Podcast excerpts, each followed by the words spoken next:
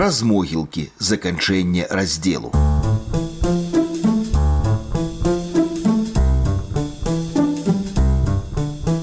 У снежні 1998 году з Менску адлятаў рэйсавы самалёт у ЗША. Амерыканскія шпіёны вярталіся на радзіму, а беларускія буржуі спяшаліся на заморскія калядныя кірмашы. Але адно месца ў салёне засталося незанятым.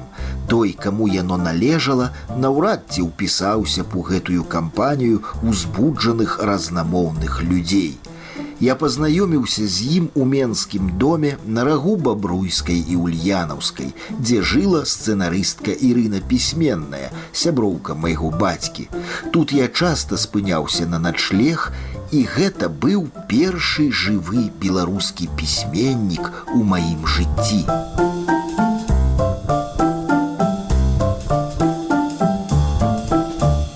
Зімою 91 на кухні у пісьменнай сабралася невялікая кампанія. Вядомы мне тэатральны рэжысэр, менш вядомы кампазітар і зусім невядомы дядзечка з позіркам, з якім звычайна просяць прабачэння. Мяне перш-наперш здзівіў ягоны убор. Здавалася, ён даношваў гарнітур свайго юнацтва і чаравікі дзядулі. Ад бамжоўскага выгляду ратавала свежавымытасць тканіны, хоць гузікі на пільчаку ўсё ж былі розныя. Гэта хто? — спытаўся я у Ірыны. Беларускі пісьменнік, адказала яна. З аднаго боку мне стала шчыра шкада беларускай літаратуры, прэзентаванай такім горкім чынам. З іншага боку я разумеў, што мне пашанцавала. Я ўпершыню сустрэў творцу той літаратуры, якую тады толькі пачынаў асвойваць. Калі ён назваў сваё прозвішча, я з прыкрасцю адзначыў, што яно мне ні пра што не кажа. Каб неяк выявіць павагу да чалавека беларускага слова, слова я наколькі мог пранікнёна спытаў як вы лічыце ці загаворыць беларускі народ на сваёй роднай мове? Адказ быў імгненны. Не не загаворыць пасля трохі падумаўшы ён дадаў але ці варта праз гэта сумаваць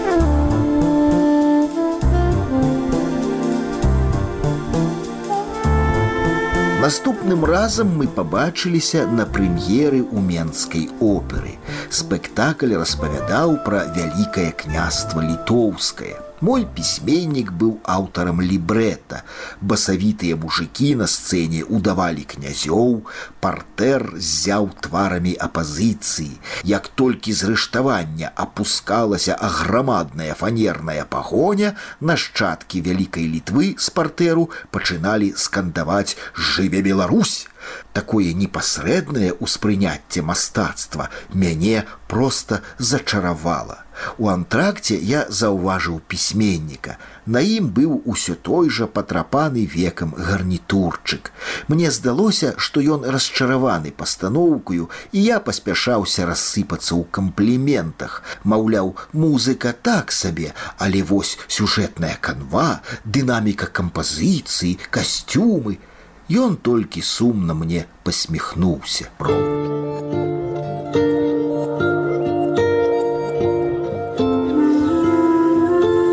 Вам ніколі не хацелася пажыць нарэшце так, як падабаецца, калі заўгодна ўставаць, куды заўгодна з'ехаць, спыніцца ў самым нечаканым гатэлі, замовіць у рэстарацыі самую неверагодную страву і хоць у гэтым малым адчуць свабоду, наведаць у парыжы манмартр і абысці бокам лювр, бо не пацягнула, заснуць у вечным горадзе на лаве каля калізею, каб упэўніцца, што зоркі над рымам не больш вечныя за небасхіл над менскам.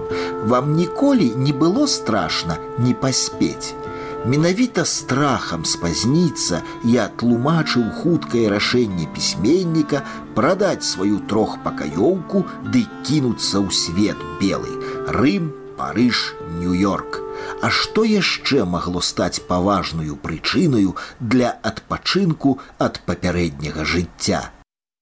Памёр ён перад калядамі, акурат калі збіраўся пераляцець атлантыку памёр ціха як і жыў.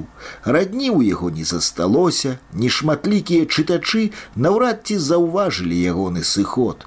Чалавек пяць сяброў праводзілі яго ў апошні шлях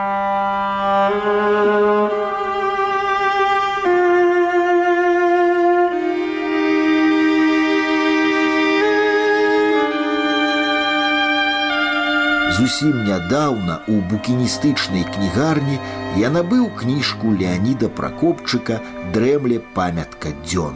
Яна была ладна патрапаная, як гарнітур яе аўтара.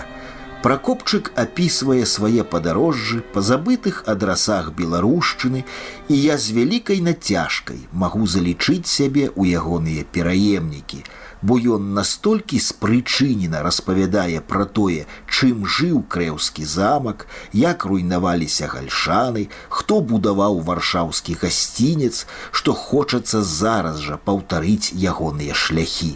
Уяўляю, як гэтыя нарысы ўспрымаліся за савецкім часам, калі вітаўт, орда ці манюшка афіцыйна былі яшчэ не нашымі героямі. Леонид Прокопчык быў рэканструктарам чужых шляхоў, ішоў праз помнікі, знаходзячы тое, чаго не бачылі іншыя. Так аднойчы і мяне шляхі Масіма Богдановича прывялі на вуліцу майго ўласнага дзяцінства. У ніжні Ноўгарад.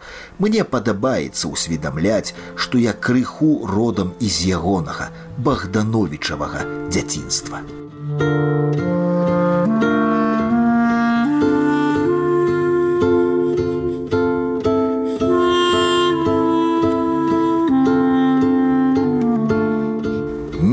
расійская пісьменніца Татяна Толстая назвала незалежнасць краін, што выйшлі з ССР шляхам у ліліпутію.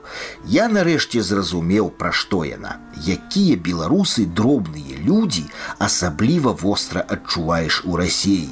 Вы толькі прыслухайцеся, пра што гамоняць жыхары Менску цігомля, у чэргах, у цягніках, у кавярнях, альбо залатыя зубы трэба памяняць на кераміку альбо дачце студэнцы знайсці таннейшую кватэру ў сталіцы, альбо раздабыць гадавую візу стрыечнай пляменніцы. Карацей, што не праблема, то нейкая бздура, маленькія праблемы маленькіх людзей маленькай краіны. Іншая рэч у рассеі. Дастаткова прыехаць на пару дзён да сваякоў у ніжні, каб здзівіцца, наколькі маштабныя чалавечышчы насяляюць краіну. Пенсіянеркі ваююць з абамам, маладыя айцішнікі рухаюць франты на блізкім усходзе, алкашы ў піўной даюць пілей хахлам. Расійскі чалавек не можа ў сваіх вачах быць невялікім. Нават ад абасцанага бамжа, што прылёг адпачыць каля канавінскага рынку, цягне велічу. Уся ягоная іставая пастава, запракінутая барада мовяць мінакам: цішэй, рускі чалавек спіць.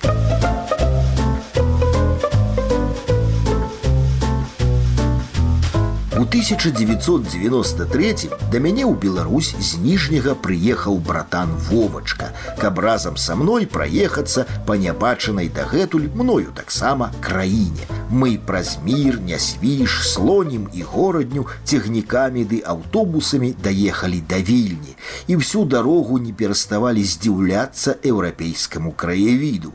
Яшчэ не адрэстаўраваны мірскі замак сваімі чорнымі расколінамі ў вешах быў здольны хваляваць яшчэ над слонімам не луналі вычварныя цыбуліны на нясвійскім рынку братан пачуў і да ягонага здзіву не зразумеў беларускую мову гуркі смачныя мо цэлы слоік возьмеце спыталася ў нас цётка. А перад гмахам горадзенскай фары мой знішчаны братан стаяў і прысвістываў во где европта?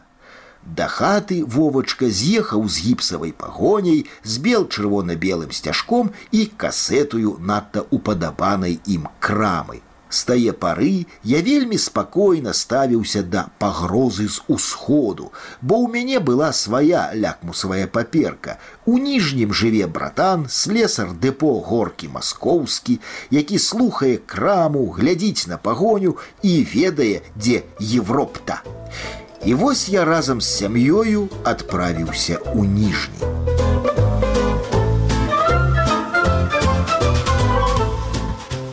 Мы не бачыліся 20 гадоў. Што я чакаў пачуць пры сустрэчы, пытанні пра дзяцей, пра работу, як там у нас. Але першае, што пачуў, а нет никакой Беларусі, выдумкі все. Прычым сказана гэта было з крайнім восторгам. Як быццам братан доўга рыхтаваў дарагі сюрпрыз і вось праз 20 гадоў нарэшце уручыў.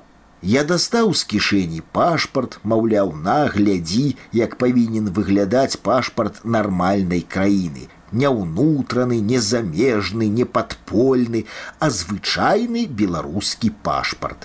Затым я дастаў з гаманца нашы новыя грошы. Ведаеш, колькі каштуе адзін ваш рубель, тры нашыя капейкі, пасля паўзы дадаў у базарны дзень Пасля я гукнуў малодшую дачку. Ты хто? Юця, а па нацыянальнасці беларуска. Пашпарт можна спаліць, грошы можна адабраць, А што рабіць з юцей? Калі шчыра я быў агаломшаны братэрскай сустрэчай, як удар пад дых атрымаў. Задушэўнай размовы не атрымалася. На наступны дзень я пайшоў на былую канатную вуліцу сённяшнюю караленкі, дзе калісьці жыла сям'я Адама Богдановича нямецкія захопнікі не дайшлі да ніжняга і таму драўляны цэнтр застаўся стаяць некранутым. Дакладней кранае яго толькі час. Пасярод мегаполісу за два крокі ад станцыі метро горкаўская захаваўся аграмадны масіў былых купецкіх некалі шыкоўных асабнякоў з мезанінамі і бальконамі мяркуючы з надпісаў на сценах дамоў дайте нармальное жыллё тут живут люди а не крысы тут людям не да абамы сцены за прамінулы час паплылі па рацэ часу разам з аконнымі рамамі. Асабліва пікантна глядзіцца рэкляма студыі інтэр'ернага дызайна на такім экстэр'еры Балькон дому, дзе некалі жыла сям'я Масіма горкага, падпёрты знізу драўлянымі палямі. Я б не рызыкнуў выйсці на такі гаўбец. Дом, дзе жыў караленка, а пасля яго Богдановичы выглядае ледзь не самым дагледжаным. Менавіта ў гэтым доме Масім пачаў вучыць беларускую мову.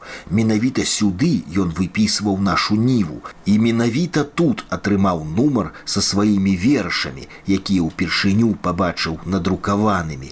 Каля гэтага дому міжволі адчуваеш ягоную радасць і хваляванне.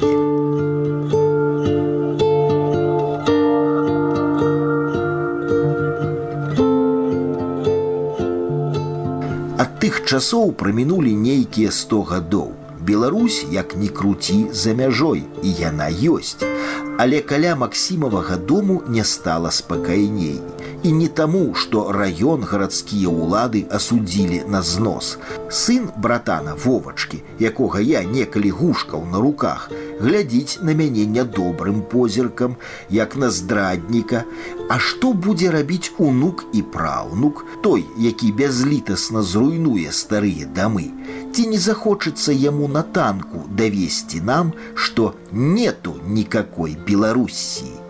Зрэшты, у той дзень, калі ў гэты дом прыйшоў паштальён, які прынёс нашу ніву з упершыню надрукаванымі вершамі Масіма Богдановича, Беларусь выглядала для паэтавых сваякоў і сяброў гімназістаў не краінай, не нацыяй, не культурай, а ў лепшым разе хлапечым захапленнем, бздурай дзіцячай. Я прыклаў руку да цёплай сцяны старога дому, сто гадоў не прайшлі дарэмна.